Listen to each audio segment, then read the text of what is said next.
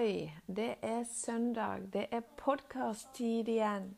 Og det er meg, med en pause by Anita, som sitter her i Ekornes-stolen sin og har tent stearinlys, en god kopp te, og jeg har en veldig fin lagotto som ligger i sofaen foran meg og krøller seg sammen. Og virker som han har skikkelig roen. Og Så har jeg en gullunge på ni som sitter og spiller game, som gamer i stua. Litt fordi at jeg eh, liker å ha han nær meg. Så liker jeg å se på hva han gjør på. Selv om jeg ikke er helt sikker på om han har lyst til å se hva jeg gjør på hele tida. Foreløpig så funker det kjempebra. Det, nå, er, nå er det altså, Nå har det nettopp vært eh, valg. Ja, det er jo ikke helt over der uniten der. Og jeg, jeg, er altså så stolt. Enda jeg ikke kjenner Kamala. Så jeg er altså så stolt. Og jeg gleder meg så fryktelig til hva som kan komme, og hva slags reise vi skal få være med altså, i, i denne nye, nye epoken. Plutselig ble 2020 ikke så ille allikevel. Og hva kjennetegner vel 2020? Jo, jo denne koronaen. Og når jeg har eh, Noe av det jeg har reflektert over i det siste, er jo denne, disse begrensningene, disse her sosiale begrensningene som er kommet. Og, og hva det faktisk eh, har å bety for um, for oss eh, kvinner, da. Jeg, klar, jeg, jeg, kan jo utvide det og si for alle, for det er jeg klar over. Men eh, nå, nå avgrenser jeg det litt inn mot oss, oss kvinner som er i, i det her overgangsalderslandet. Sant? Det er jo et uh, stort land. Og, og, for å holde litt eh, fokus innover mot oss og det som jeg brenner for. Og eh, da tar jeg oss tilbake til at eh, korona gjør det sånn at vi kanskje ender opp med å føle oss mer isolert. At det sosiale nettverket vårt og de sosiale forutsetningene vi hadde, den, de, den er litt redusert. Eh, og igjen så blir det eh, skal jeg da pense oss inn på det faktum at i overgangsalderen så er vi mer sårbare, iallfall noen av oss, enn vi var eh, før. Og som vi kanskje ja, vi blir kanskje ikke fullt så sårbare mer etterpå. Men, eh, og det er et av de punktene jeg har om, om som er, kan være en medvirkende årsak til depresjon. Så depresjon er det jeg skal eh, snakke om i denne her eh, episoden her på Menopause by Anita-podkasten. Jeg har jo eh, posta en del om depresjon på Instagram, blant annet.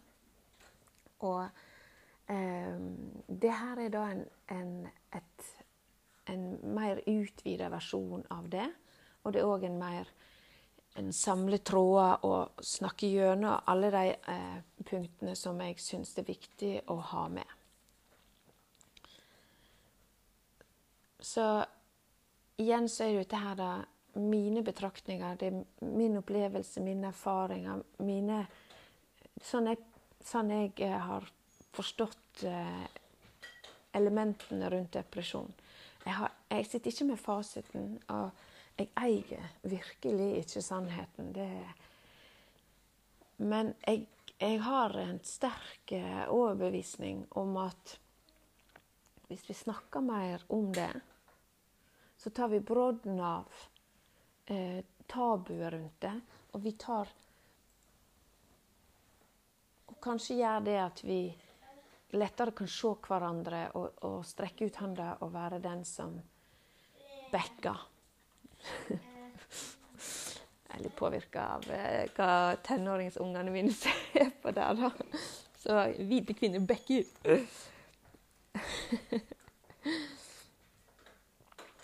Eh, av og til så tenker jeg jo at de temaene jeg snakker om, de, de blir jo veldig alvorlige. Og det blir jo En kan jo lett tro at dette her er en, eh, et depressivt tema.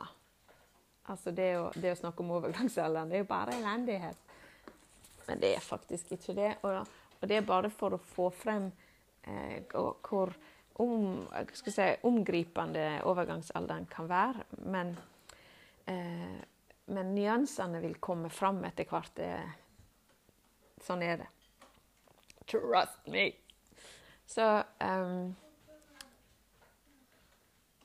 jeg, jeg, jeg, har laga meg et tankekart, og det har jeg delt på Instagram. Og det tankekartet tar jeg utgangspunkt i nå, mens jeg snakker med deg.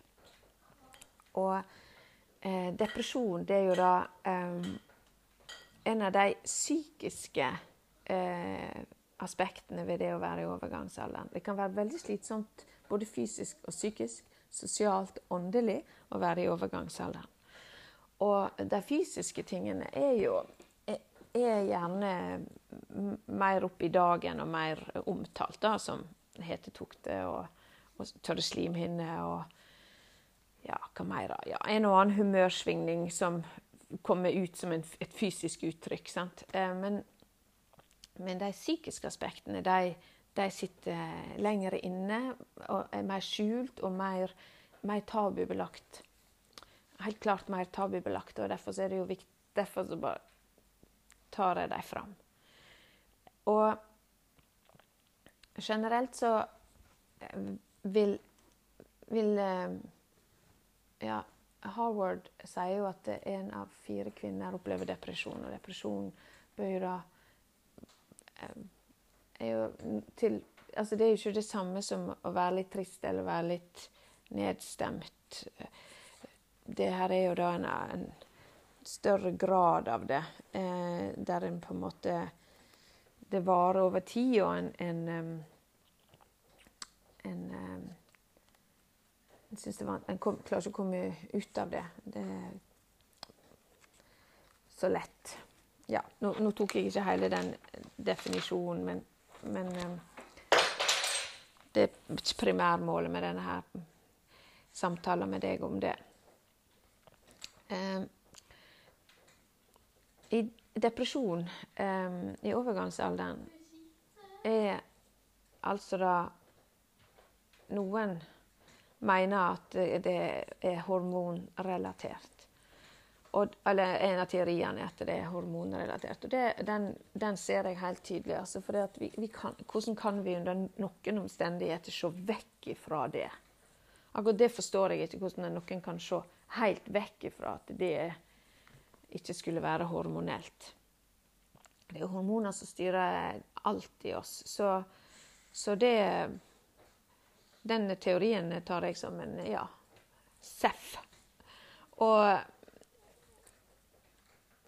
og en, og en, av de tingene som eh, da kan komme opp, det er at eh, overgangs, altså depresjon i overgangsalderen er vanlig.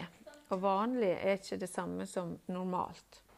For jeg syns at depresjon eh, skal ikke eh, nødvendigvis kalles normalt. For det, da tenker man at det, da kan det bare være der uten at man gjør noe med det. Men jeg, men jeg mener at depresjon er, går utover så masse. Går utover eh, deg sjøl først og fremst. Din fysiske kropp. Eh, din helse, med andre ord. Eh, og så går det utover familien. Så går det utover så mange. Det er en ringvirkning. Så jeg mener at det skal tas på alvor. Og det, det skal gjøres tiltak. Tiltakene er jo klart at hvis, eh, hvis du er på et stadie der du faktisk kan hente fram ressursene dine, så kan du jo gjøre veldig mye sjøl. Og kanskje er det akkurat det som er nok. Eh, men i noen tilfeller så må en faktisk søke hjelp. Hva som er rett for deg, det er her det bare du som kan vite. Og eh, nå skal jeg eh, lage noen podkastoverskrifter mens jeg snakker med deg, sånn at det, sånn at det er lettere for, for oss å komme gjennom eh, temaene. Og Da begynner jeg med det som jeg innleder med. Det her med hva gjør isolasjon med oss i overgangsalderen? For eh, det er nå en gang sånn at mange av de temaene som jeg plukker opp, eh, beveger seg ut i verden og ute blant kvinner i overgangsalderen, er at de, du kommer til et punkt der du på en måte mister litt den der sosiale interessen din. Du blir litt sånn ah, whatever. Og, nei, jeg vet ikke om jeg gidder det der. Og Nei, jeg har mest lyst til å bare sitte hjemme i sofaen. Eh, du, du mister, akkurat som du mister interessen for enkelte aspekt ved det sosiale. Og så kan, jo, kan jo være mange grunner rundt det. Men det kan òg være akkurat det at det er litt um, Det fysisk og psykisk uh, energikrevende å være i overgangsalderen. Og at en kanskje ikke har det overskuddet til å være så sosialt aktiv som en var før. Så kan det òg um, Og ergo så blir det en, enda en opp med at en kanskje, hvis en gjør opp en oppsummering, så, en, uh, så isolerer en seg litt. Og eh, der tenker jeg jo at på den ene sida så er jo isolasjon ja, hvis det, er, hvis det, er, det du gjør for å ta hensyn til deg sjøl, og det styrker deg, så er det bra for deg. Og hvis du, hvis du ender opp med at det å få lov å trekke seg tilbake og, og være, være isolert Hvis du kan si det sånn. Hvis det gjør at du lader batteriene dine hvis det, en, hvis det, er en, situasjon der du faktisk ender opp med å eh, heller styrke deg og dyrke deg, så, så tenker jeg at rent eh, ja, funksjonelt så er ikke, det, er ikke det nødvendigvis noe negativt. Men idet du da begynner å skulle eh, Det måtte jo være å sammenlikne deg. da. Hvis du skulle sammenlikne deg med andre og si at eh, Eller deg sjøl. Eller at du sier at 'nei, å, jeg er ikke så sosial som jeg var før'. Og, og, eh, og egentlig så kommer det en negativ følelse rundt det da skal en være obs på at det igjen kan, kan, føre til at en får den der eh, fokus på utilstrekkelighet, og få en fokus på at en ikke er god nok. Og litt de tingene som handler om depresjon, det er med at en ser ting ifra, med, med negative briller på. Eh, og hvis, du, hvis en gjør det systematisk og, og konsekvent, og en, og en og en eh, opplever at en faktisk isolerer seg mest fordi at en føler seg ikke god nok, eller, eller at en har bare en har, det, er så, det er så kjipe tanker at jeg tenker nei, hvem er jeg å velge av med, og hvem gidder å sitte og høre på dette her eh, eh skulle trøtte sutrefjeset mitt. Den her, eh, Når det kommer på, så tenker jeg det er en liten varsku. En varsku at en må Ops, her må jeg passe på meg sjøl. Det gjør jeg. Eh, hvis jeg hører at min eh, kritiske, negative eh, Skulle si eh, bitch på skuldra dominerer, så, eh, så tenker jeg vent, vent, vent, vent. Hva er det nå som skjer? Hva har jeg gått på kompromiss med nå? Hva, hva, er, det jeg har ikke, hva er det jeg har ignorert hos meg sjøl nå over så lang tid? Fordi jeg, jeg er obs på at depresjon er ikke noe man skal ta lett på. Og det er ikke sånn at en, en er vaksinert mot det. En, skal, en, må, en må, være bevisst. Um, I isolasjon så, så er det en, en pil rett bort til ensomhet. Eh, for sånn, hvis du sier at isolasjon kommer av selvvalgt ivaretagelse, så er det én ting. Dersom det ikke er selvvalgt fordi at en føler seg ikke god nok, eller en, en tenker at det, 'hvem er jeg å være sammen med', eller en føler seg en føler seg ikke attraktiv nok, eller en sammenlikner seg, og så finner en seg sjøl ikke, ikke der som en en gang var, eller som en har lyst til å være, og derfor så lar en være.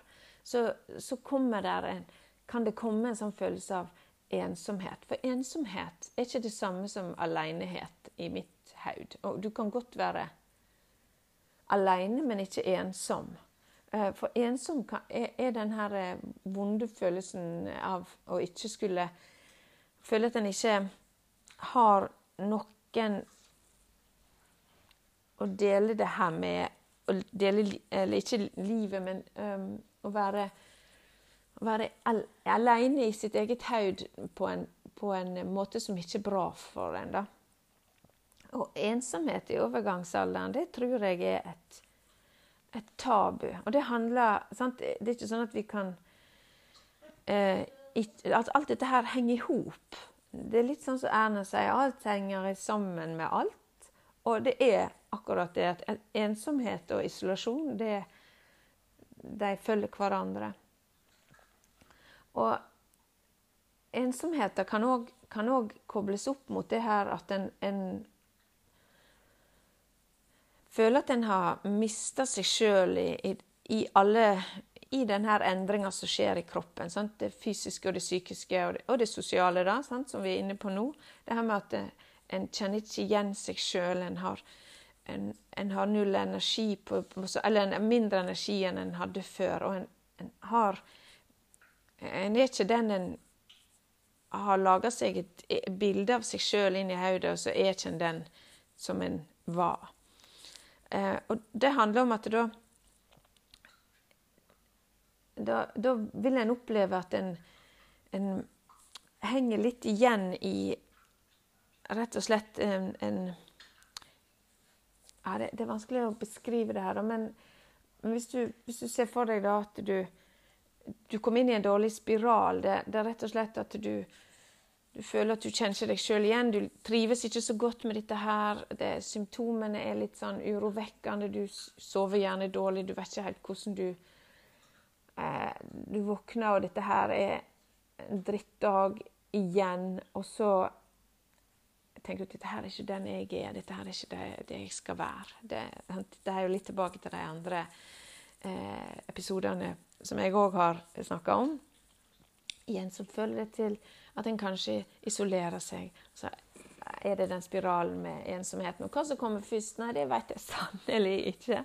Men det er, en, det er, viktig å være klar over det og, og være det bevisst. Jeg tror bevissthet hjelper oss veldig. Sånn at ikke ting skal komme snikende på deg for lenge. Litt sniking er det jo. Overgangsalderen er jo per def litt sniking, for det kommer så snikende på deg. Men etter hvert så eh, mener jeg at hvis vi, hvis vi har snakka gjennom det mange nok ganger, så vil det komme en slags kling-ling, en liten bjelle der, som forteller deg at vent litt, vent litt. Dette her, det har jeg hørt før, og nå skal jeg være på vakt. Eh, og da er jeg jo inne på et av de andre overskriftene som handler om at symptomene er en del av, av depresjonsbildet. Sant? Det er klart at Depresjon kan jo være et symptom, men det kan òg være symptomene som gjør at du, at du kjenner på en depresjon, eller du står i fare for, osv.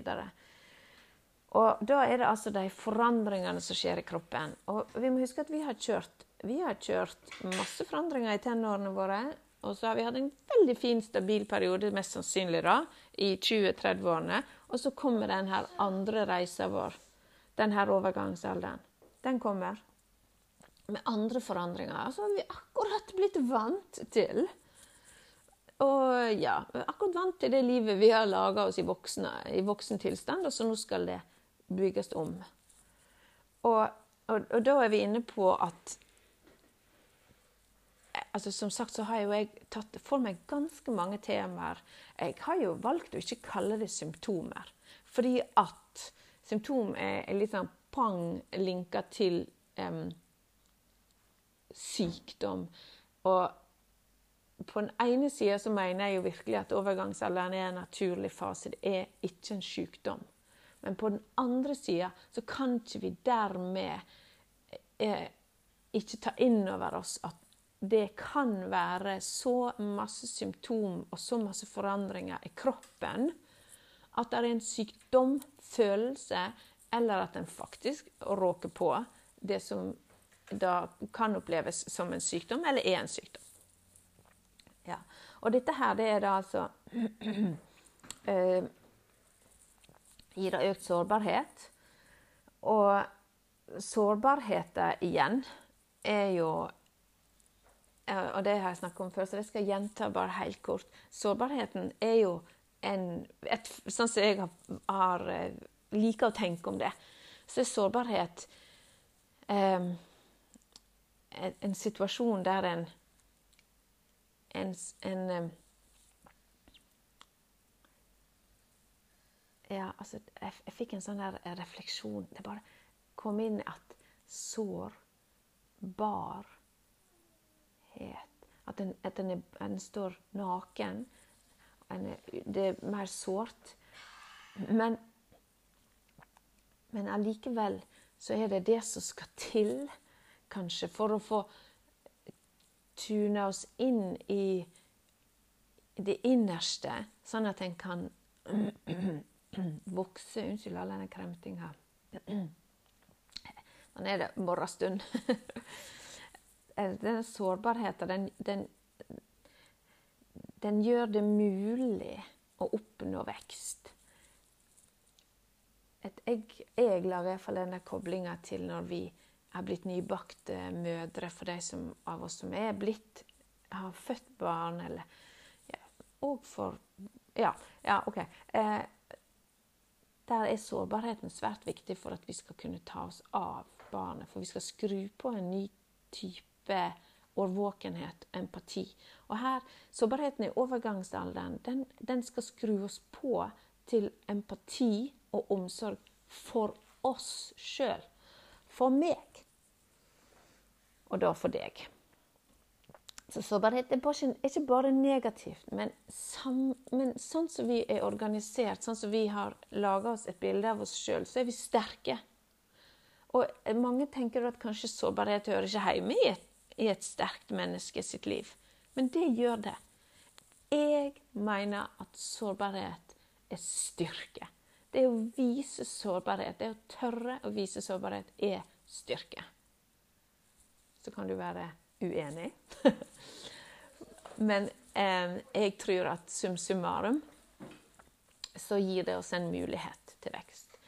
Det gir òg en mulighet for at man rett og slett står i større fare for å utvikle depresjon. Så det må følge med visse eh, ivaretagelser av seg sjøl når en er sårbar. En må passe på seg sjøl. For hvis, hvis den er sårbar og ergo ikke kommer, ikke kommer ut av det med vekst, men kommer ut av det med, med tristhet og depresjon, så må en jo ta tak i det. Men dette er hvordan jeg kan Dette er en, en, ja, en, en måte jeg gjør litt tanker rundt akkurat det her med sårbarhet. Eh, når det gjelder da eh, det neste punktet, den neste tråden som jeg tar oss innover, så er det jo at sårbarhet gir henne mulighet til å reflektere over, eh, reflektere over eget liv. Eh, og det her med at eh, gamle historier kan komme og presse seg på. Det er som om det er en åpen, en åpen kanal som ikke har vært så åpen før. Der gamle livserfaringer og, og gamle livshendelser ja, popper opp igjen, da. Eh, I, I den engelske sammenhengen så snakkes det jo om at livshendelser som f.eks. empty nest syndrome Hvilket jeg da er litt sånn Hva Skal vi kalle det syndrom? jeg tror ikke det. Eh, Iallfall ikke. Jeg gjør ikke det. Eh, livsfasehendelser er den neste tråden som jeg skal føre oss inn i. Og alt dette her henger sammen. Fordi eh, den livsfasen du er i kan faktisk akkurat handle om det at en, en um, har en fødte barn for 20 år tilbake, 18 år tilbake, og de flytta ut. Og kanskje, kanskje sitter du i ditt eget hjem som før var fullt av bråk og lyder og koselige lyder og liv og skrål og, og um, fellesskap til at en, en er alene, eller det er bare to part, det er bare deg og den du lever med, um, partneren din, som er her. Og det krever energi. å, å gå inn i den fasen og, og, ta det inn over seg og legge til seg nye vaner og legge til seg en ny forventning om hva en, hva en skal ha. Um, og igjen, sant? nå har jeg snakka om ensomhet, jeg har snakka om isolasjon, jeg har snakket om refleksjon og det her med sårbarhet og forandringene. Altså? Hører du da at det blir som empty nest? Ja, det er jo det det, det kan òg være en del av den der. Og empty nest eh, er jo et begrep som, som eh, jeg syns er interessant. Jeg syns det anerkjenner det faktum at vi har vært eh, Vi har laga reir. vi har laga reir, og vi har stappa inn så masse fjører og så masse kos og så masse mat vi kan, og så nå står reiret der tomt. og, og, og og du skal på en måte fylle reiret ditt med kanskje nye Ja, ikke nye kull, da. Det, det, det, er slutt på det, håper vi. Um, men at uh, en skal, en skal um, ommøblere i reiret, da. Um, og så er det sånn at um, det her med livshendelser det kan jo være tilfeldige, sammenfallende, sammenfallende hendelser. Og det kan være, det kan være um, helt tilfeldige ting, men det kan gjøre at det, det oppleves ekstra hardt å, å, være i overgangsalderen. Fordi at det, Ja, det er vanskelig å vite hva som kommer først, da, høna eller egget. Eh, men, men, det er nå engang sånn at eh, i Norge så er det jo mest skilsmisse i 40-årene, hvis jeg ikke husker helt feil. Dette er jeg ikke helt sikker på. Så jeg sier ikke nøyaktig, sier ikke nøyaktig det. Men hva hvis man ender opp med å, ha, å være skilt? Skille seg i disse her i 40-årene, når en kanskje begynner å gå, nærme seg overgangsalderen i perimenopause, eller, eller man er i den. Og det er jo en voldsom livshendelse, en voldsom livsendring og en sorg og en traume. Jeg tror, jeg tror Ja, jeg lurer på om ikke det egentlig kan defineres som traume. Og det betyr at en, en er ekstra sårbar. Igjen isolasjon. Igjen ensomhet. Mm, mm, mm. Og, og, det her med å passe på seg sjøl og anerkjenne det og, og bruke og bruk de symptomene som kroppen gir deg av sorg, eller ja, nå brukte jeg ordet symptomer, da, men de tegnene da, som kroppen gir deg av, av sorg og av, av um, De tingene som du ikke kjenner igjen hos deg sjøl, det, det, det bør tas på alvor. Og det kan jo gjøre at en blir deprimert. Traume ved å skille seg, eller at en andre traumer. Altså, en begynner å nærme seg at foreldrene ens blir syke. Meg, jeg kjenner så på akkurat det. Eh, mamma sin sykdom rysta meg så inn i granskauen, som vi sier. At jeg passer ekstra på. For så anerkjenner jeg at jeg er eh, hormonelt på et annet sted enn jeg var når jeg var 30. Så anerkjenner jeg at det gjør meg mer sårbar. Og når jeg da har den livshendelsen at min mor er ja, veldig dårlig av Alzheimers, må jeg passe ekstra godt på meg. For jeg har ikke hatt et enkelt liv. Jeg har hatt mange slag i trynet som jeg tror mange Jeg tror faktisk de fleste av oss har hatt det. Eh, og det kan handle om eh, at han jeg elska høyest på jorda, Morten, han ble syk i to runder med så alvorlig sykdom at jeg var redd jeg skulle miste ham begge gangene. Og det gjør Det kan jeg komme tilbake til en gang. Men, det er bare ikke sånn, Hva gjør det med meg? Og det har gjort mye med meg. For jeg var i perimenopause når dette skjedde. Jeg hadde akkurat født han Jørgen. Jeg ser i retrospekt at jeg var i perimenopause. Og det var frykt... Jeg gikk i full jobb, og det var fryktelig vanskelig å se meg sjøl. Jeg stanga hodet i veggen, og jeg, til slutt så fant jeg ut at dette går ikke lenger. For nå bærer jeg helt klar en depresjon i mitt hjerte, og dette skal ikke jeg ha. Fordi at livet er for verdifullt for det. Så jeg tok grep. Så jeg kan med hånda på hjertet si at livshendelser, enten det er sykdom eller skilsmisse eller død eller alle disse tingene der, det krever sin kvinne. Og er du i overgangsalderen, så krever det ekstra fokus og bevissthet. Betyr ikke at du klarer å gjøre det med en gang. Ofte så må det jo gå litt eh, Skutte seg nedover før du, før du kjenner farta. Eh, men det er viktig å ta på alvor.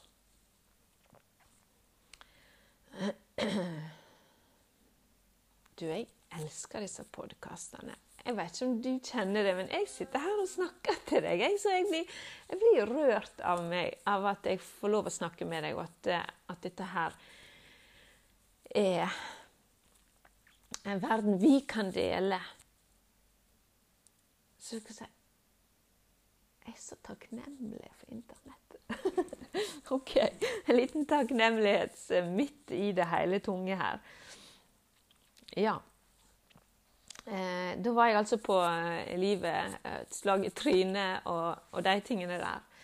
Og, og, greit det her med at det trenger jo ikke være nødvendigvis bare sånne enorme, store tap. Det, det kan òg være um, det her med å bli sjukmeldt, f.eks. Det her med å ikke ikke klare å stå i jobben fordi du er altså så eh, utslitt eller trøtt eller, eller ja, Trøtt var hun kanskje litt feil, for trøtt er vi jo av og på. Men den her at du har brukt opp alle reservene dine, du har null energi, du klarer faktisk ikke å stå i jobben. Du, kroppen din verker av Kroppen din verker av å være i overgangsalderen, da kan vi si litt sånn forenkla der. Kroppen din verker, og du eller at du, eh, du kommer til for kort. Eh, du, du, du, har litt sånn konstant stressopplevelse fordi du har brain fog, eller du klarer ikke å huske så godt lenger. og Du er kjemperedd for at nå har du fått en eller annen form for dement, eller du eh, Oh la la. Ja.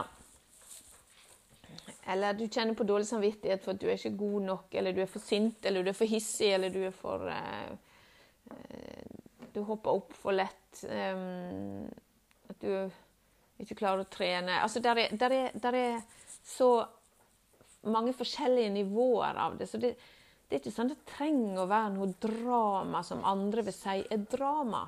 Men det kan hende det er drama for deg allikevel. Og da er vi jo inn på en av de tingene som jeg å, gleder meg til å prate mer om. Og det er sammenlikning. For sammenlikning er jo den, etter mine begrep den største energisluken du, du kan eh, befatte deg med. Så hvis du har lyst til å drive deg sjøl sprø, så må du gjerne bare ta på sammenlikningsbrillene. For det, det, det er jo en lost case. Det er jo ikke, ikke nubbesjans. Hvis du driver og sammenlikner deg, du må sammenlikne deg med deg sjøl. Så det var så. Men, eh, så, så, det trenger ikke være noe andre Andre trenger ikke å definere det som drama for at det er vanskelig for deg. Det kan være det. Og det er jo, den, det er jo mange som sier det, at det, det er gjerne disse sumendringer. Den her, det her med å ta inn over seg at en, en, faktisk går fra å være en kvinne i en fruktbar alder til å være en kvinne i ikke-fruktbar alder, det er for mange veldig tungt å, å bære med. Men jeg tror det òg en, en det skal òg være en del av det, tenker jeg. Vi skal jo på en måte endre atferden vår, for nå vet vi jo at eh, altså på et gitt tidspunkt da, etter du um, etter, I postmenopause, på et eller annet tidspunkt der, så man, kan man jo ikke få barn lenger. Men noen vil jo si at å, det er deilig, og det er digg. Um, men der er det igjen. ikke sant? Noen sier det, og noen sier det andre. Så det, så, det er det du sier, som er viktig for deg. Men det er klart en kan jo prøve ut andre sine perspektiver og kjenne etter funker det. Er det noe jeg skal adoptere, eller hvor er det med det? Og så Ja. Nå skal jeg ta oss videre bortover i, i tankerekka mi. Skal jeg det her, var inne på det her med sammenlikning, og nå tar jeg oss bort til samfunnet.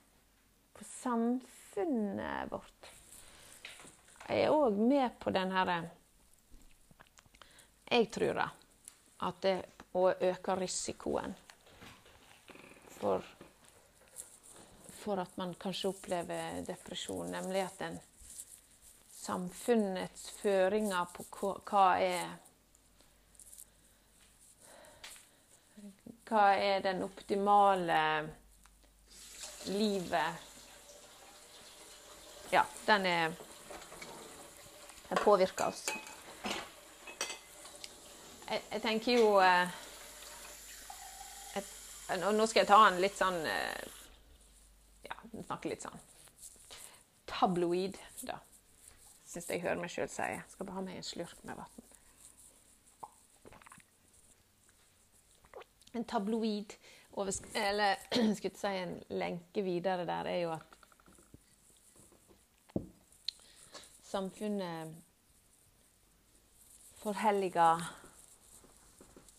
alt det unge, alt det virile, alt det, alt det som klarer å holde seg ungt. Og altså på ingen måte kan vi si noe annet enn at ja, det er en veldig sterk føring. Så da skal en med andre ord eh, ta inn over seg at en, en, går, en går, ifra å være den i den kategorien. Og der er ofte fertilitet og fruktbarhet kobla til ung, ung, å være ung. Så når en da ikke er fertil lenger, så er en, en kobla over i en annen kategori, nemlig gammel. Men det stemmer jo for det første overhodet ikke. For der er unge som ikke eh, kan få barn.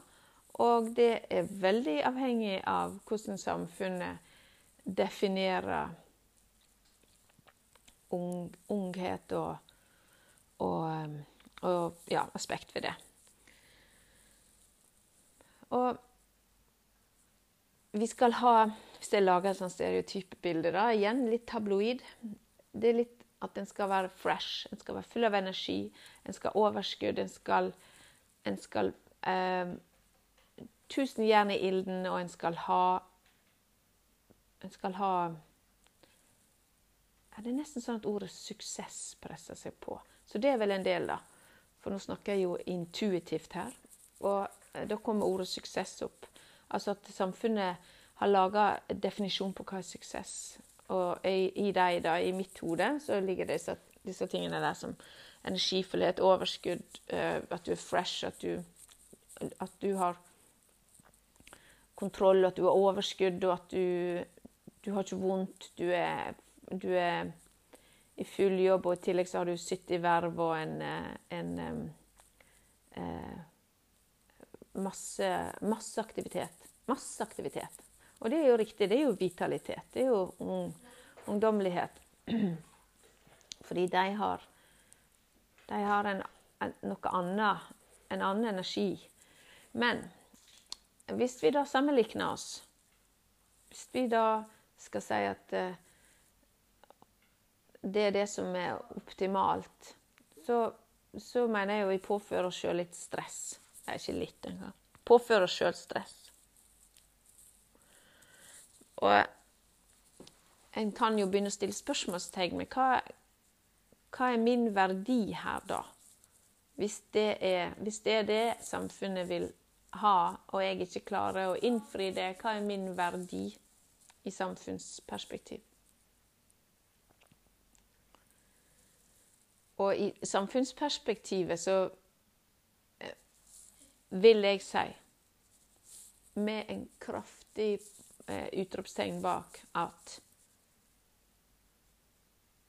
samfunnet trenger alle livsfasene.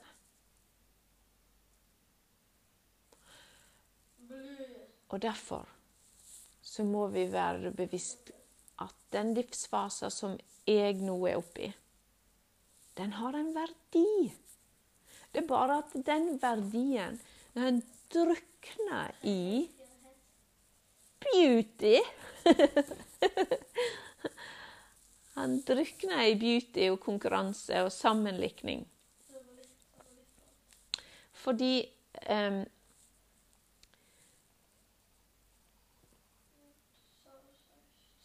i, i det her med at Jeg ender nok opp med at jeg faktisk tror og mener at vi kvinner, dersom vi tar overgangsalderen som en som en eh, som en kvalitets... Altså rett og slett som at det er noe vi utvikler og gjennomgår, og vi kommer ut på ikke-sida med økt kunnskap, økt kvalitets... Jeg vet, nei, jeg vet ikke hvorfor ordet kvalitet kommer inn men det er rett og slett at jeg, jeg eh, Jo, kanskje dette Jeg tenker at det kvalifiserer oss Jeg tror det er mer det jeg tenkte på. At det kvalifiserer oss til å bli de kvinnene som går foran, og som backer de som kommer etter etter oss, og som at vi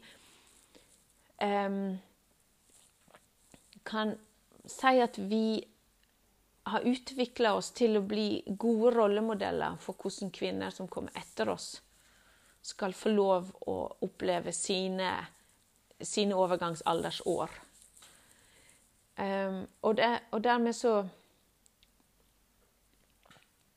så mener jeg at denne livsfasen her, den, den har en verdi i samfunnet vårt. Og det er òg det her med at vi har, vi har vært ute ei vinternatt før, veit jeg. Og ergo så er det sånn at ja, så eh, sover vi dårligere, men vi presterer like godt. Det er bare at prisen vi betaler, er jo at vi sjøl må bruke mer tid på å lade. Bruke mer tid på å ivareta oss sjøl. Og det får vi kanskje fordi vi har gjerne ikke små barn hjemme lenger. sant? Ja, ja, jeg må, kan jo ikke snakke for det. Jeg syns jo jeg har små barn hjemme. Så, men jeg har mer frihet enn jeg hadde når han var to, for å si det sånn. Og det her med å um, putte verdi på det Sånn at hvis jeg da hopper tilbake til tråden om empty nest sant? Den sorga det er å, å, endre reirets innhold. Men det er òg kanskje faktisk fra naturens side for at vi skal kunne få anledning til å få prioritere tid på oss sjøl òg. Og når samfunnet eh, legger føringer på hva, hva At det som blir forhelliga, på en måte er, et større avstand fra det du opplever at du sjøl er i, så kan en jo tenke at en er god nok igjen. Tilbake til det ikke god nok. Og det kan påvirke denne sinnsstemninga om at dette at jeg bør, jeg bør være sprekere, jeg bør være mer energifullt, jeg bør orke 15 verv, og jeg bør ditt og bør datt. Og den spiralen der, den, den er en trussel for din psykiske helse. ja, det var nå litt tabloid igjen, men, men, det er rett og slett det, en av de tingene som jeg tror kan faktisk være en av årsakene til depresjoner i vårt samfunn. At den her, Vi snakker om breddeidrett, men hva med bredde eh, breddefasing. altså at vi, vi, vi Samfunnet eh, brer ut sin verdisetting på hvilken verdi det har i de ulike fasene. Eh, bare jeg drar det enda litt lenger, bare tenk på de, den verdien det har for eh, familier som har besteforeldre som eh, trår til, som er de menneskene som er rolige, sindige og har vært ute av vinternatt før, og som setter seg i sofakroken og som leser eller leker, spiller ludo eller hva som helst er med kidsa, barnebarna Den verdien, altså, den er uvurderlig. Og ja Jeg skulle ønske vi hadde mye mer plass. Den hadde, at den hadde mye mer plass i samfunnets uh, føringer, da.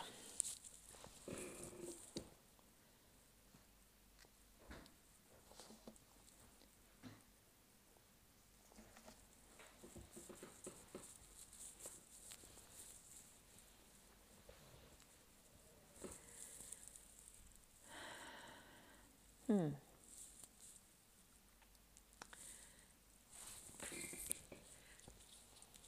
Så i forhold til det her da med depresjon, så har jeg nå jobba meg gjennom tankekartet. Er, ikke, det er ikke en sannhet annet enn for meg og for mine refleksjoner. Og det som jeg har lyst til å ta frem her på For nå skal jeg runde av. Jeg skal runde av nå snart.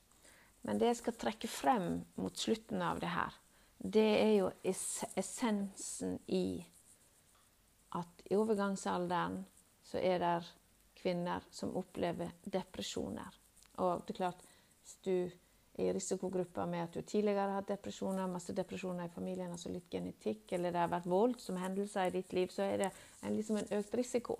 Der er, jo, der er andre faktorer òg, men for å trekke frem noen, så er det da Hva hvis du visste at dette er en potensiell risiko. Jeg må, så fort jeg anerkjenner at jeg er mest sannsynlig i perimenopause eller i menopause, så må jeg trappe opp min egenomsorg.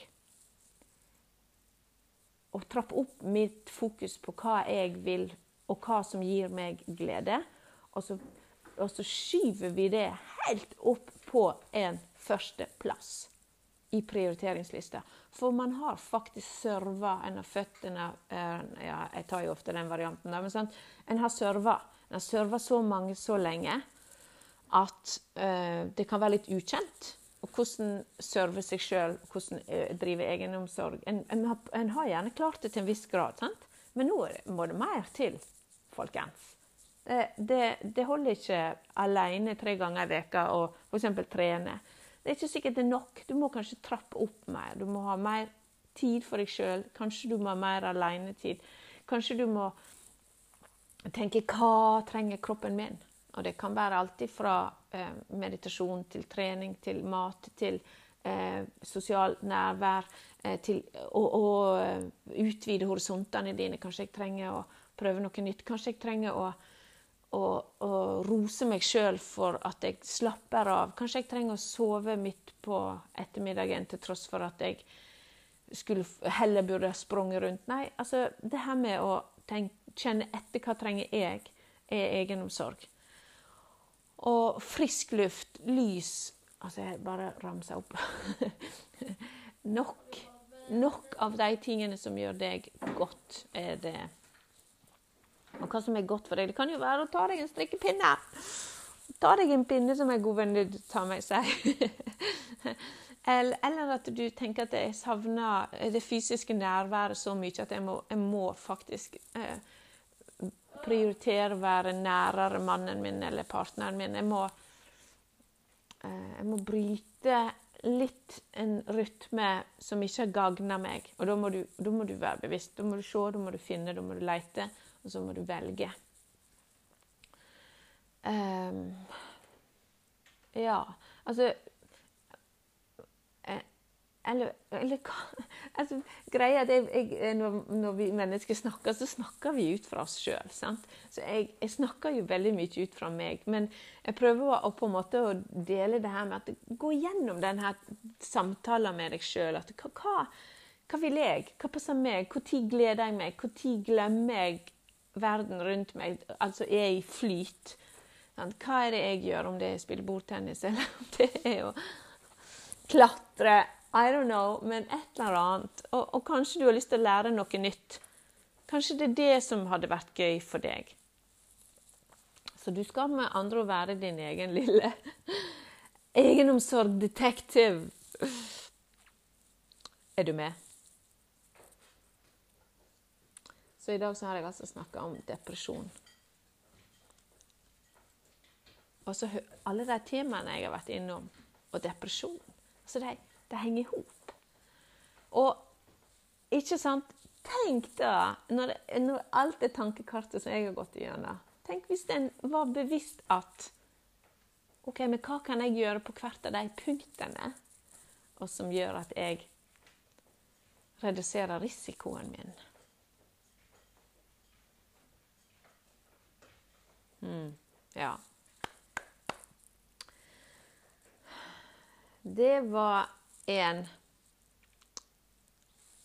av mange tanker omkring eh, depresjon og mange aspekt ved, ved, depresjon. Hvis du har lyst, så har jeg gått gjennom enda flere ting på Instagram, så du kan sjekke det ut. Sånn at dette er ikke fullendt. Dette er ikke en komplett serie.